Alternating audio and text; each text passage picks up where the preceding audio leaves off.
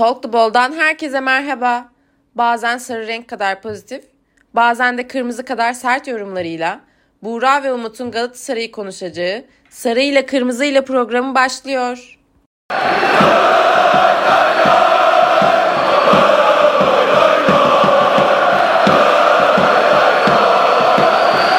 Geldik bir kez daha buradayız. Hoş geldin Umut. Hoş bulduk Buğra'cığım. Nasılsın? Teşekkür ederim. Sen nasılsın? Ben de iyiyim. Teşekkür ederim. Şimdi sevgili Umut, bu bugünkü programa başlamadan önce şöyle bir giriş yapmak istiyorum. Ee, çok güzel bir şarkı var artık ve son zamanlarda bizim gündemimiz oldu, takımımızın da gündemi oldu. Yangın yeri hep buralar sayende desem aklına ilk hangi isim gelir? Tabii ki de Mauro Icardi. Icardi deyince aklına ne geliyor artık? Van Danara. Golleri ve asistleri gelmiyor mu? Artık öyle bir yer etti ki bizde. Yani aklımızdan çıkartamıyoruz Van Danara'yı. Herhalde hani bir süper kahramanların panzehirleri vardır ya böyle hani ekstra bir şeyleri verir. Ya da ekstra güç veren özellikleri vardır. Mesela Iron Man'in bir yüzüğü vardır ya da bir pırlantası vardır. Evet. Bir şey vardır. Herhalde Icardi'ninki de Van. Onunla ilgili bir şey yaşandığı zaman çok daha yüksek performans sergiliyor diyebiliriz galiba. Doğru mu? Doğru ama inşallah ee, çok fazla da yansımaz ya. Yani belli olmaz. Umarım. belli yani dualarımız duygu, bu yönde. Yani duygusal olaylar farklı geliştiği için her zaman belli olmaz. Ama böyle Var. çok iyiyiz, mutluyuz yani. Icardi'den mutluyuz. Icardi Galatasaray taraftarından mutlu açıklamalarından da anlaşılacağı üzere. Mutluyuz biz bu şekilde.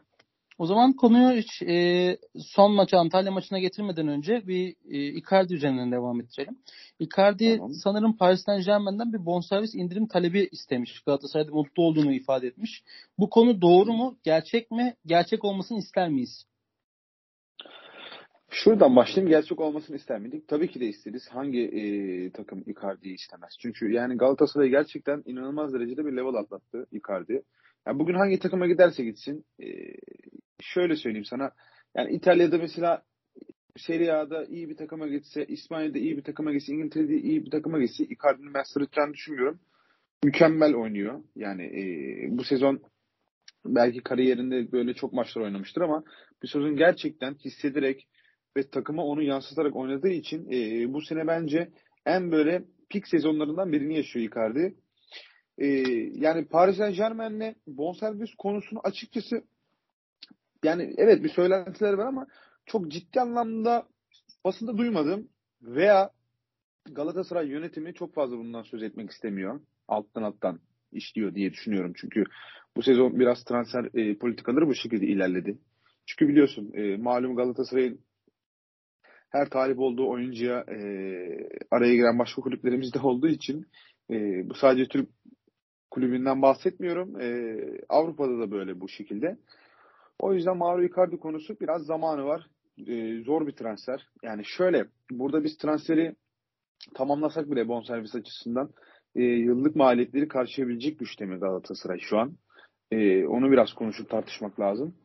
Ama yani hangi takımda olursa olsun Mauro Icardi o takıma level atlatacaktır ve e, gerçekten Galatasaray'a uzun süredir böyle bir forvet görmemiştik. E, ciddi anlamda ileri derecede yani kanatları da orta sahayı çok rahatlatıyor. Çünkü e, yani hem pres açısından hem de oyun açısından çok muazzam şeyler katıyor. Benim görüşlerim bu şekilde Buğra'cığım. Eyvallah. Çok sağ ol. Çok teşekkür ederim. Şimdi Icardi bize seviye atlatıyor, level atlatıyor dediniz. Zaten biz umudumuz ve gidişatta onu gösteriyor ki sezonu şampiyon olarak tamamlayacağız. Şampiyon olarak tamamlamak demek Avrupa kupalarında ulaşmak demek anlamına geliyor. Avrupa kupalarında Mauro Icardi gibi bir forvetle maça çıkmanız, ilk 11'de onun olması demek hep bizim ligimizde olduğu kadar Avrupa takımlarında da bir korku salacaktır anlamına geliyor. Dolayısıyla da bence yönetimin e, bir şekilde elini hızlı tutup tabii ki hani derinden derinden ve sinsi sinsi bu projeleri halletmesi gerektiğini düşünüyorum. Ve kesinlikle Icardi'yi bonservisiyle takımımızda görmek istiyoruz da diyeyim ben. Icardi defterini şöyle bir kenara koyalım.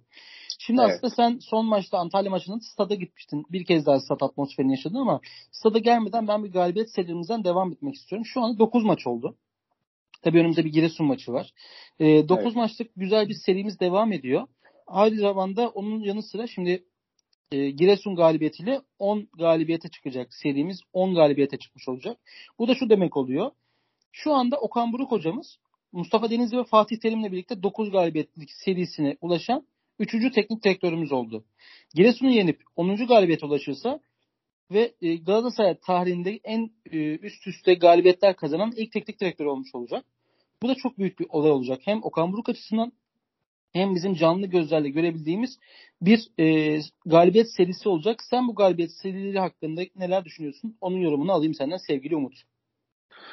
Evet, e, güzel aslında bahsettin sen de, güzel özetledin. Şöyle, şuradan başlayabilirim. Yani evet Galatasaray çok uzun bir süre sonra e, ilk defa bu kadar bir galibiyet serisine ulaştı. Senin de dediğin gibi e, Okan bir rekor kırdı. Bu daha da gidecek gibi gözüküyor açıkçası. E, onun dışında yani Okan Buruk zaten e, Başakşehir'de de oynatmak istediği futbol aslında Galatasaray oynattığı futbol arasında e, yakınlık var. Yani çünkü neden? Okan Buruk'un en büyük özelliklerinden bir tanesi takım hücumu ve presi. Bunu da çok iyi bir şekilde sezon başından beri aslında Galatasaray taraftarına e, ve Galatasaray'daki futbolculara anlatmak istediği olay buydu. Ve bunu zaten e, 9 maçtır da hatta Türkiye Kupası birlikte yanlış hatırlamıyorsam 11-12 maç mı oldu? Kaç maç oldu tam hatırlamıyorum ama e, ciddi bir seri yakaladık. Bu serinin devam edeceğini umuyorum. İnşallah öyle olur ama önümüzdeki Giresun maçı hiç ummadığımız kadar bir zor maç geçecek. Çünkü neden? Artık e, takımlar Galatasaray'ı yenme gözüyle bakıyorlar. Neden bakıyorlar? Çünkü Galatasaray'ın 9 galibiyetlik bir serisi var. Artık o seriyi bitirmek istiyorlar. E, takım olarak kendilerini göstermek istiyorlar. E, Giresun konum olarak zaten e, üst sıralara çıkmak istiyor. Kendini alt taraflardan kurtarmak için. Bu şekilde. Peki teşekkür ederiz. Biraz önce bahsettiğimiz üzere stat'taki atmosfere gelelim. Şimdi atmosferi nasıldı diye soracağım ama şu soruyu sorayım. Statta hem Hatay maçında hem Antalya maçında tribündeydin. İki maçta evet. da şu oyuncu, şu futbolcu en iyiydi çıplak gözle görebildiğin en iyi futbolcu kimdi diye sorsam bana bir isim sayabilir misin? Hatta bir de geçebilir. iki üç isim de duyabilirim senden. Böyle gözüne çarpan kimdi? Gözüme çarpın. Ya o kadar aslında ya şöyle bir kere Hatay'la Hatay Spor maçıyla Antalya Spor arasındaki oyun farkı e, biraz farklıydı. Çünkü Hatay maçında çok rahat başladık. İşte ilk yarıdaki oyunu koparttık. 3-0'lık bir e, skorla ilk yarıya girdik. Antalya maçı beni korkuttu açıkçası. Neden korkuttu? Çünkü Galatasaray ilk yarı evet topla hakim olabilirsiniz. E, topla çok fazla oynanabilir ama üretkenlik konusunda Galatasaray hiç sahada yok dene, denecek kadar azdı yani. Fakat burada da Nuri Şahin'e bir parantez açmak istiyorum. Nuri Hoca gerçekten Antalya Spor'un o kadar eksiği olmasına rağmen ciddi anlamda eksi olmasına rağmen takımını inanılmaz iyi hazırlamış. Yani bu e, ilerleyen zamanlarda, ilerleyen senelerde Nuri Hoca'nın büyük takımlarda çalıştıracağının bir göstergesi bence. Ki hak ediyor da. Çok profesyonel bir adam. Yani e, evet sağ kenarında e, heyecanıyla hakeme işte e, gidip orada bir servisin işte bulabiliyor ama maçtan sonraki açıklamaları, o dostane yaklaşımları falan ben Nuri Hoca'yı gerçekten e, bir Galatasaraylı olarak, bir taraftar olarak çok seviyorum. E, çok da takdir ediyorum. Atmosfer konusuna gelecek olursak yani Antalya maçı ve Hatay Spor maçındaki evet atmosfer yeni stat fulldü. Ee, ama Hatay Spor'da şöyle bir şey. Maçı çok erken kopardığımız için tribünler de ona göre zaten e, çok fazla ateşlendi. Ki zaten beraber gitmiştik Hatay maçına da. E, ama Antalya maçında o yoktu. Çünkü insanların böyle e, gözlerindeki o telaşı, o korkuyu görebiliyordun. Çünkü maç kopmamıştı. Hala diken üstündeydik. Evet topla oynuyorduk. Antalya Spor'un çok fazla bir hata yoktu ama futbol bu. Her şey 90 dakika bitmeden hiçbir şey belli olmuyor. İşte Galatasaray tek kalıp top oynarken bir anda faal olup işte e, Luis Adriano'nun kafa golüyle işte birbirine eşitliği sağladılar falan yani. O yüzden insan tedirgin oluyor. Ama iki maçta da tribünler gerçekten bu sene Galatasaray taraftarı e, hakkını veriyor. Kaldı ki şöyle bir durum var. Başakşehir, Fenerbahçe ve Hatay maçındaki tüm müsabakaları biz 2-1 biz 2-1 kazandık. Dolayısıyla 2-1 artık bizim evet. için riskli skor olmaya başladı. Hani 1-0 olduktan sonra ulan acaba 2 attık mı, atamadık mı, atsak rahatlayacağız e, kafasına takıldığımız için evet biraz sıkıntı yaşıyoruz ama ben mesela Hatay maçındaki atmosferden çok memnundum. Hatta Hatay maçında sana da sıklıkla bahsettiğim Juan Mata'yı ön planı çıkartmak istemiştim. Çünkü Juan Mata'nın tecrübesi, duruşu hani e, koşamasa bile evet fiziksel yetersizliği olsa bile paslarında ve nerede durması gerektiğini çok iyi bilen futbolcu için olduğu için benim için ön plandaydı. Sanırım Hatay maçında da daha doğrusu pardon Antalya maçında da Lucas Torreira'yı ön plana çıkartabiliriz diye düşünüyorum.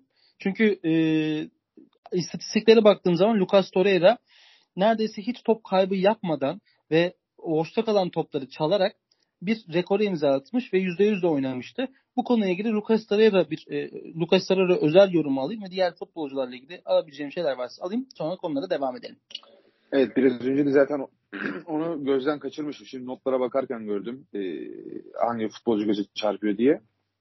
Yani iki maçta da evet. Yani iki maçın aslında ardına bakmaktan ziyade genel olarak bu sene baktığımızda Lucas Torreira çok ön planda. Ya inanılmaz bir futbolcu. Zaten ben burada anlatmaya başlasam sabah kadar böyle herhalde sen kenara çekilirsin. Ben burada anlatmaya başlarım sabah kadar sürer yani Lucas Torreira'yı anlatmakla bitmez yani. E, muazzam bir oyuncu. Tam bir takım için oynayan, savaşan, takımını ayağa kaldıran, e, inanılmaz bir eforu ve enerjisi olan bir futbolcu. E, evet boyu kısa olabilir ama yaptığı işler çok büyük işler. Torreira e, iyi ki de satın almışız. Gerçekten iyi ki de satın almışız Torreira'yı. Yani ben geçen programda da söyledim. E, Torreira sezon sonunda e, gider gibime geliyor. İyi bir bonservis verilirse. Zaten e, Dursun Başkan da dün bir açıklaması olmuştu genel kuruldan sonra. E, sezon başında Mayıs ayında bir tane oyuncumuza transfer varken şu an 6 tane oyuncumuza işte kayda değer transfer işte teklifler var diye. E bunları zaten tahmin etmek çok da zor olmamalı. Yani bir futbolu takip ediyorsa futbolu takip ediyorsa insanlar e, izliyorsa Galatasaray'ı bunların kimler olduğunu zaten e, kolayca bulacaktır. Yani şöyle e, inşallah Galatasaray'ın hayrına, Galatasaray'ın e, geleceği hayrına e, iyi bir bonservis bedelleriyle olacaksa her futbolcu tabii ki de gidebilir. Her futbolcu gelebilir. Sonuçta burada kalan e, tek gerçek Galatasaray Spor Kulübü. E, herkes gelip geçici. Kişisel olarak bu başkanından tutun e, futbolcusuna kadar. E, bizler de öyle öyleyiz. E, ama dediğim gibi e, her futbolcuya transfer teklifi gelebilir ama gelecek transferlerden e, iyi bir bonservis edilmesi lazım. Çünkü yani evet e, dün e, izledim mi bilmiyorum. Erden Timur e, yaklaşık Galatasaray'a 30 milyon dolar yardımda bulunmuş. Yani ben uzun bir süredir hiçbir böyle bir rakamlar duymamıştım. Galatasaray'a bir yardım açısından. Sen böyle bir duyum aldın mı veya benim gözümden kaçmış olabilir yani. ben çok inanılmaz geldi bana. Yani Erden Timur yani daha ne yapabilir? Bu adama bir de çok ya konudan konuya atlıyorum böyle ama o kadar çok konu var ki konuşacak. Hepsi böyle konu konuyu açıyor açıkçası. İstersen sen de devam et. E, bu konuları konuşuruz. Veya diğer bölümlere de saklayabiliriz. Tabii şimdi Erden Timur dediysek çok büyük bir başlık açmamız lazım. Ee, şimdi e, taki, tabii ki takım taraftarı olan, diğer büyük takım taraftarı olan veya diğer Anadolu takımları taraftarı olan büyük iş adamları da var. Bunu bu örneği Fenerbahçe'de de görüyoruz, Beşiktaş'ta da görüyoruz. Bizim kulübümüzde de en çok öne çıkan Tunç Holding ve Nef grubu yani Erden Timur oluyor. Evet. Erden Timur geçtiğimiz sezon e, erkek basketbol takımına isim sponsor oldu ve erkek basketbol takımımız çok güzel bir ivmeyle sezonu güzel bir şekilde kapattı. E, stat sponsorumuz da aynı zamanda Erden Timur. Galatasaray Nef Stadyumu olarak geçiyor. Diğer taraftan inşaat olarak bize yardımcı olmaya çalışıyor. Evet bazı transferlere belki de e, imza parasını veya diğer bonservis bedellerinde de yardımcı olmuştur ki totalde bu 30 milyon doların içerisinde var olabilir. Daha fazlasını istiyor muyuz? O ayrı mesele ki biz istemesek de yani Galatasaray Spor Kulübü istemese de Erden Timur bunu verebilecek e, inanca sahip bir, bir insan, bir iş, iş insanı. Galata, Gal, Galatasaray'ımız için feda olsun diyedir, diye, diye düşünüyordur bence. Kesinlikle.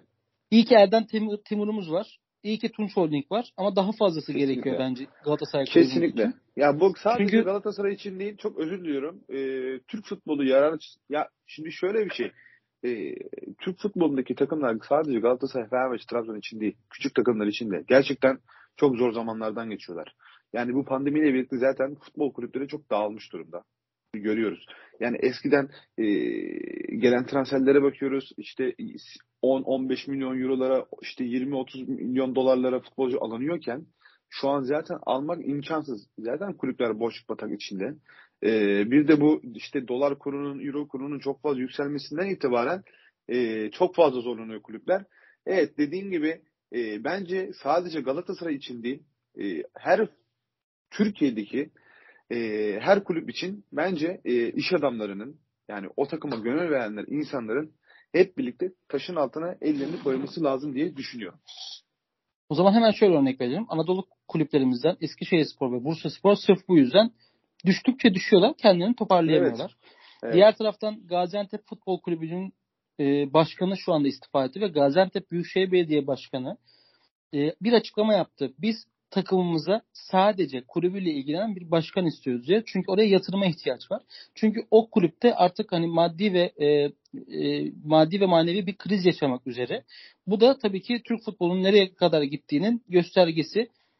Daha çok iş insanını biz futbola yatırım yaparken görmek istiyoruz. Tabii ki iyi futbolla. Şimdi yatırım yapılır ama iyi futbol ortaya çıkmazsa ve kendini gösterebilecek takımlar ortada olmazsa o yatırımlar da çöpe gidecektir, boşa gidecektir.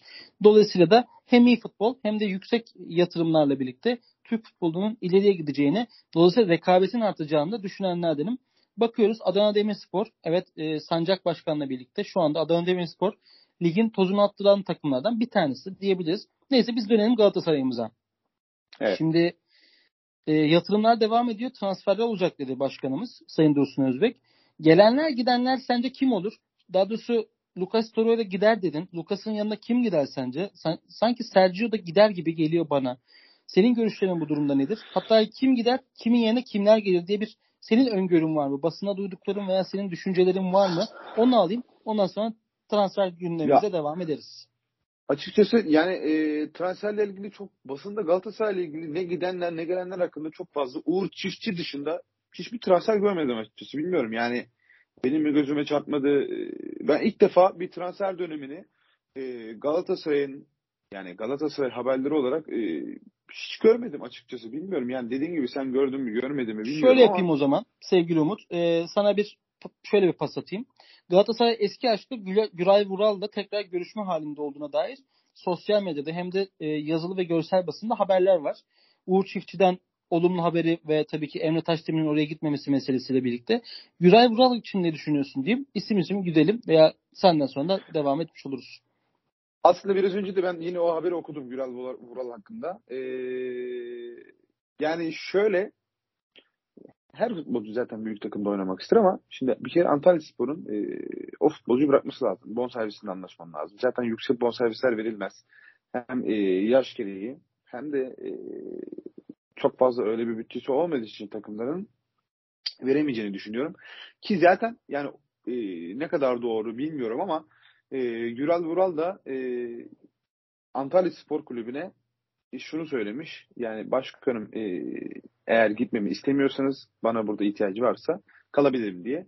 O sebepten dolayı Güral kalmış Antalya Spor'da. Galatasaray'da transferden vazgeçmiş diye gördüm. E, tabii bu e, transfer meseleleri an ve an böyle değişebiliyor. Çok fazla oyuncu geldi deyip de son dakikadan da gelmeyen olanlar oldu.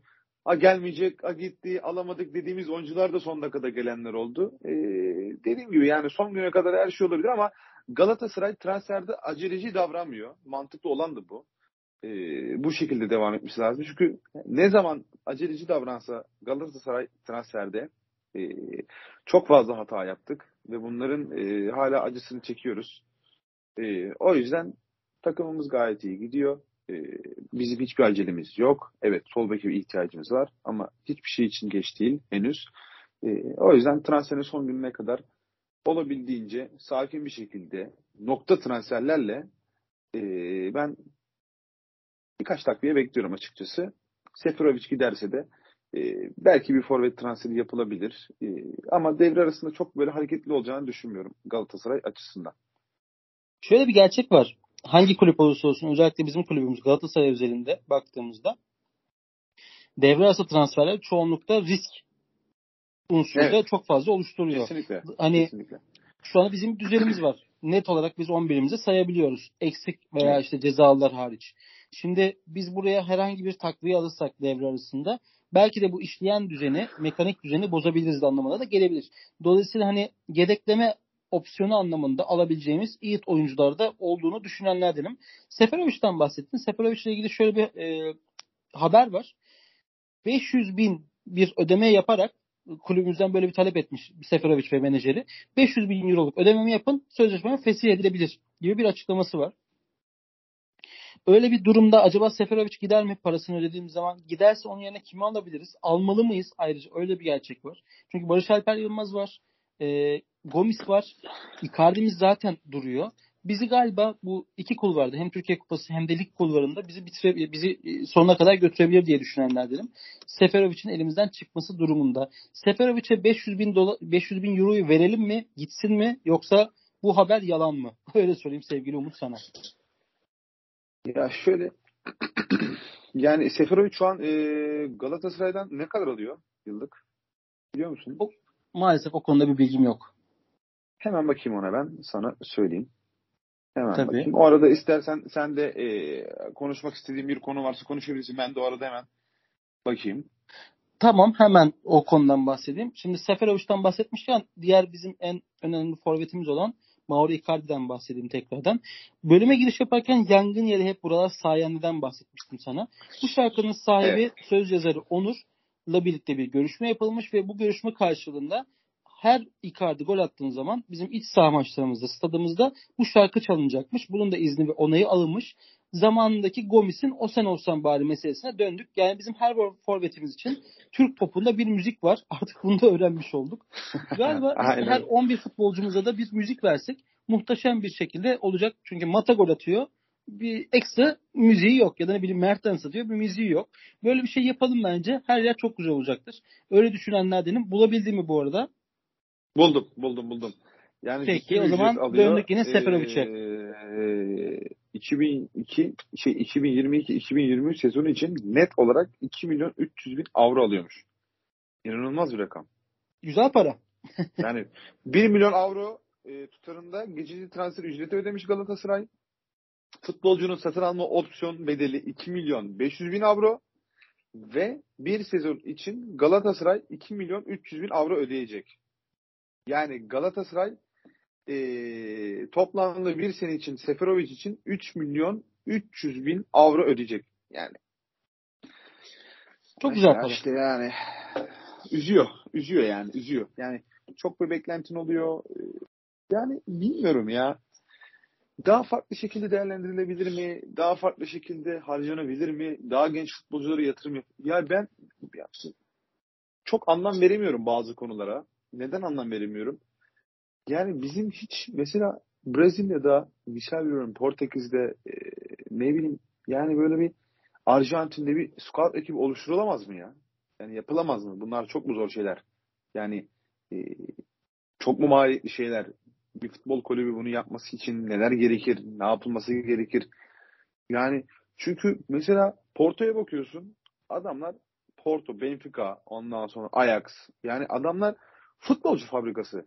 Yani adamlar e, altyapıdan yetiştirip oyuncuyu büyütüp ciddi paralara satıyorlar. Yani inanılmaz derecede. Ve yani sattıkları adamların yerine de yüksek mevlalarda transfer yapmıyorlar. Anlatabiliyor muyum? Yani yine alt taraftan yetişen futbolcular geliyor. Evet, misal veriyorum. Jo- Joao Felix'i Benfica kaça satmıştı işte zamanında e, Atletico Madrid'e. E, şu an hatırlamıyorum ama sallıyorum 56 milyon euro değil mi? 56 Evet. milyon euroya sattı. Ama adam yani Benfica 56 milyon euroya bir futbolcu almadı. Anlatmak istediğim olay o. Yani alt taraftan yetişen bir şey var. Evet yetişiyor. Mesela bugün şunu konuşuyoruz transferlerden.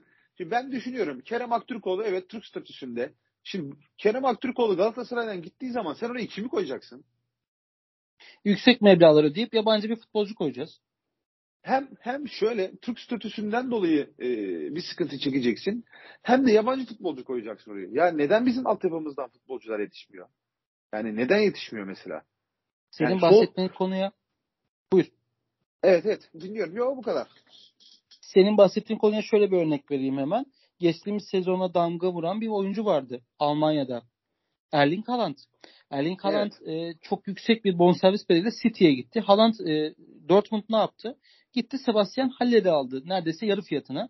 Tabii Haller'in bir sağlık problemi oldu. Kanser oldu. Sahaya çıkamadı ama uygun fiyata Haller'i aldı. Haller de şu anda Dortmund'da iş görmeye yeniden sağlığına kavuştuktan sonra sahalara dönmeye başladı. Bak bu da bir örnek. Evet. Ee, biz şimdi City gibi, Paris Saint Germain gibi para babalarının sahip olduğu kulüplere sahip değiliz. Dolayısıyla kendi yağımızda kavramamız gerekiyor. Ama Türk futbolunda maalesef şöyle bir durum var. Ee, menajer spor diye tabir edebileceğimiz bir durum söz konusu. E, menajer Kesinlikle. spor ne yapıyor? Oradan alıyor, buraya veriyor. Buradan alıp oraya veriyor. O ikisi arasında yaptığı işlemden bir kendi tutarını alıyor. O, okutup gidiyor. Sonrası yok. Yusuf oraya gitmiş, Ahmet oraya gitmiş, Mehmet buraya gitmiş. Ya da Mehmet hangi performans sergilemiş. Adamın umurunda değil. Oradaki tamamen duygusal durumuna bakıyor. E, her şey tamamen duygusal döndüğü zaman da hiçbir şekilde biz saha içerisinde performans alamıyoruz. Bakınız Haris Seferovic. Geldiği zaman çok iyiydi. Hazırlık maçlarında yüksek performans bekliyorduk. Hatta bir önceki bölümde bahsettiğim Goller de attı. Goller de Evet. attı. Kesinlikle goller de attı. Dedik ki tamam ya Seferovic güzeldir, iyidir. Evet. Hatta Gomis'i biz Gomis'in pabucunu dama attık. Tamam Seferovic'le gideriz dedik. Sonra bir baktık ki yok abi bunlar olmuyormuş dedik ve tamamıyla tüm beklentilerimiz boşa çıkmış oldu. Seferovic diyoruz, Icardi diyoruz, forvetlerden bahsediyoruz. Ama çok güzel bir kadromuz olduğundan bahsediyoruz. Okan hocamız da sağ olsun çok güzel kadroyu yönetiyor ve kadroya çok güzel izinler veriyor. Şimdi kadroyu yönetmek de çok büyük bir meziyet aslına bakarsan. Yükleme Kesinlikle. yaparsın, cezalar verirsin, ne bileyim yasakları uygularsın, ne bileyim yüksek kamp temposu uygularsın. O zaman futbolcudan bu verim alamazsın. Icardi ne yaptı? Antalya maçından sonra uçağa atladı gitti. Kim nereye gidiyorsun, neden gidiyorsun bile demedi. Çünkü ona o özgürlüğü vermek de önemli. Eğer biz o adama o özgürlüğü vermezsek geri döndüğü zaman aynı performansı alamayız. Diğer taraftan Mertens gidiyor geziyor ki sosyal medyada döndü. Kapadokya'da fotoğrafları var. Kapadokya'da bir ailenin yanına gitmiş mesela. Şimdi bizim bu oyunculara bu özgürlüğü vermemiz lazım. O yüzden Okan Hoca'yı galiba bu kadar tutmaya başladı futbolcularda. Ki Okan Hoca'yı görüyoruz antrenmanlara çıkıyor. Antrenmanda futbolcularla futbolcu olup onlarla pas 5'e pas antrenmanına katılıyor. Ne bileyim maçlara katılıyor. Ki zaten geçmişinde teknik direktörümüz efsanemiz oldu artık kendisi de. Evet. Bu arada Okan Hoca ile ilgili şöyle bir haberden de bahsedelim. Galatasaray üyesi oldu. Evet. Yıllar önce başvurmuş. Şu anda da Dursun Özbek başkanımız vesilesiyle e, Antalya Spor maçı öncesinde baş üyelik e, formunda almış oldu. Ayhan, Ayhan Akman'la Akman'la birlikte. Aynen Evet. öyle. Bu da çok güzel bir haber aslında Okan Buruk için. Ekstra bir motivasyon kaynağı oldu. Kesinlikle. Bence bu saatten sonra zaten Galatasaray aidiyet duygusu olduğunu biliyorduk. İki kat olacağını ve iki kat motivasyona e, sahalara çıkacağını öngörebiliriz. Okan Hoca hakkında senin yorumlarını alayım. Sonra başka bir konuya geçeceğim. Evet. Yani sen aslında çok güzel özetledin. Ee, ben de birkaç tane ekleme yapayım. Yani Okan Buruk sezon başı Galatasaray'a gelirken ee, kimimizin kafasında soru işaretler, kimimizin kafasında evet Okan Hoca ile olacak, güveniyoruz ee, diye düşünceler vardı. Ee, yani çok şükür düşündüklerimizde yanılmadık. Ee, ben iyi olacak tarafındaydım açıkçası. Bunu dürüst söylemek gerekirse. Evet ufak tefek kaygılarım ee, yok muydu? Kesinlikle vardı. Özellikle Fenerbahçe Jorge Jesus'u alarak ee, güzel bir hamle yaparak ee, ben ya açıkçası dedim herhalde Fenerbahçe bu sene o sene diyecek dedim. Ki zaten bitmiş bir şey yok. Yani iki takım da çok uzun süre sonra yıllar sonra ee, Galatasaray ve Fenerbahçe çekişmesini görebiliyoruz. Hem saha içinde hem de saha dışında ee, şiddetle böyle yükselerek devam ediyor bu zaten. Umarım e, çok fazla kalp kırılmadan e, birbirlerine karşılıklı böyle artık yani çok şey oldu ya. Yani büyük kulüp diyoruz. Şimdi başka bir konuya geçiyorum ama hemen çok kısa söyleyeceğim bunu da içimde kalmasın. Yani büyük kulüp diyoruz. Türkiye'de futbol neden gelişmiyor diyoruz. Abi bu yüzden gelişmiyor işte. Anlatabiliyor muyum? Yani e, sen ona o sana Galatasaray Spor Kulübü'nün e, veya Fenerbahçe Spor Kulübü'nün birbirine bu tarz açıklama yaparak Türk futbolunu bir yere getiremeyiz. Gerçekten getiremeyiz. Artık birilerine örnek olmamız lazım. Yani yok o ona cevap vermiş. O Galatasaray işte Fenerbahçe'ye nasıl cevap verdi yok Fener, işte Galatasaray Fenerbahçe'ye cevap vermiş. O işte Fenerbahçe'ye nasıl cevap verdi de falanlar. Ya abi geçin o işleri yani. Yani meşgul olacağınız o kadar çok fazla işler var ki hakikaten o kadar çok işler var ki yani onlarla kafa yorun ya. Yani hem insanları germeyin. Ee, zaten çok uzun bir süredir şampiyon olamayan Fenerbahçe haklı olarak geriliyor taraftar. Ee, ki ona e, Galatasaray'da zaten e, son 3 senedir şampiyon olamayan bir Galatasaray e, buna alışık bir olmayan bir Galatasaray. E, or, iki tarafta da bir gerginlik var. Yani bu tarz şeyleri artık Türk futbolunda ben gerçekten bir taraftar olarak yani bir taraftar olarak görmek istemiyorum. Yani bazen hakikaten yani bu yorumları falan görüyorum işte Galatasaray'ın açıklaması, Fenerbahçe'nin açıklamasını. Ya yeter diyorum artık ya. Yeter diyorum yani. Söyleyeceğim bu kadar. Ee, çünkü içimde kalsın istemedim. Bunu hep söylemek istiyordum. Ee, şimdi Okan Hoca konusuna gelirsek. Okan Hoca Başakşehir'de de ben programın başında da söylemiştim zaten. Ofansif futbolu oynamayı seven, e, orta sahayı güçlü tutan e, bir teknik anlayışa sahip. Galatasaray'da da bunları çok iyi yapıyor. E, kendine çok güveniyor. Çok özgüveniyor. Çok sakin bir kere. Yani sağ kenarında hakikaten çok sakin. Yani doğru oyuncu değişiklikleriyle birkaç maçı geçersek doğru oyuncu değişiklikleriyle takımı çok iyi ayakta tutabilen yani bir kere e, teknik direktörden fazlası yani Okan Buruk. E, takımdakilere bir hoca değil de bir arkadaş gibi davranıyor. Yani o kadar büyük futbolcuları idare etmek zordur yani.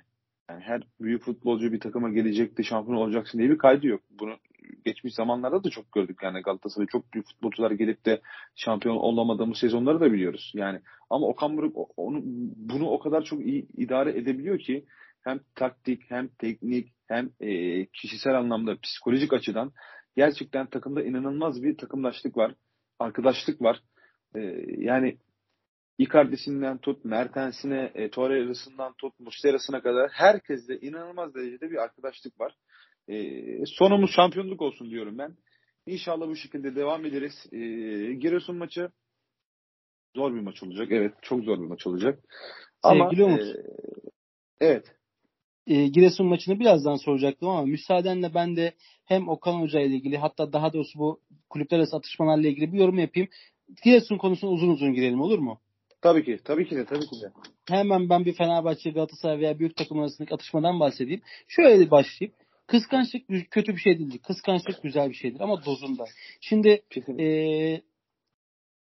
bizim bir süper kupamız var. İşte ne bileyim UEFA Avrupa Ligi'ni aldık eski adıyla. İşte bu tarz durumlarda diğer kulüplerimizin bizi kıskanıyor olması güzel, kötü değil. Ama ne anlamda? Ya Galatasaray kazandı biz de kazanabiliriz arkadaşlar. Biz de bu şu konuda mücadele edelim. Biz de bu konuda kendimizi geliştirelim demesi gerekiyor. Ama biz sadece yukarı çıkanı, daha üste çıkanı aşağı çekmek için bir motivasyon e, sağladığımız için aa yükselmesin aman ben yükseleceğim dediğimiz için hep başkası adına Dolayısıyla hep birbirimizi aşağı çekiyoruz. Hayır abi ne yapalım? Galatasaray beni iç sahamda 3-0 yendi. O zaman ben sezonun ikinci yarısında iç sahada onları 3-0 yenmek üzerine kendimi ayarlayayım desin. Mesela böyle bir motivasyonla hazırlasın. Saha dışına çıkmayalım. Ne yaptık? Trabzonspor'la deplasmanla beraber kaldık. O zaman Trabzon ne desin bizim için? O zaman İstanbul'a gidelim. Galatasaray'ı yenelim ki ikili averajı kazanalım. Ondan sonra onları evet. yenmiş olalım desin. Böyle bir motivasyonla gelsinler bize. Biz de onlara öyle gidelim. Ki öyle gidelim ki futbolumuz gelişsin, saha içi gelişsin. Çünkü biz futbol oynamaya çalışıyoruz. Biz derken evet Galatasaray futbol oynamaya çalışıyor.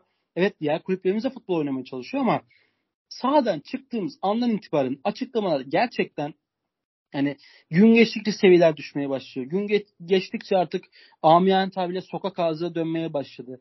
Sokağa çıktığımız zaman kimin ağzına ne duyuyorsak kulüp başkanı diye tabir ettiğimiz insanlardan da gerçekten bu açıklamaya duymaya başladık. Hatırla geçtiğimiz haftalarda Adana Demirspor Başkanı Murat Sancak ne dedi? Federasyon ligin şampiyonu zaten belirledi dedi.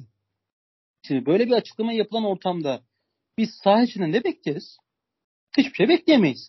Dolayısıyla artık saha içine dönmemiz gerektiğini düşünenlerdenim. Ama diğer taraftan da bizi saha içine yönlendirmeyen dış faktörlerinin çok daha fazla olduğunun bilincinde olarak kendimizi futbola adapte etmek gerektiğini düşünüyorum.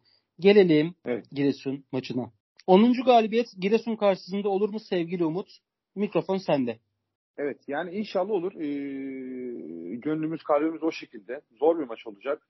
Çünkü e, Giresun daha alt sıralarda biliyorsun. Yani onlar da üst sıralara gelmek için e, bir şeyler yapması lazım. Bizim açımızdan herhangi bir eksiğimiz sadece Abdülkerim sarı kart cezalısı. O biraz bizim için bir sıkıntı. E, çünkü çok önemli bir futbolcumuz.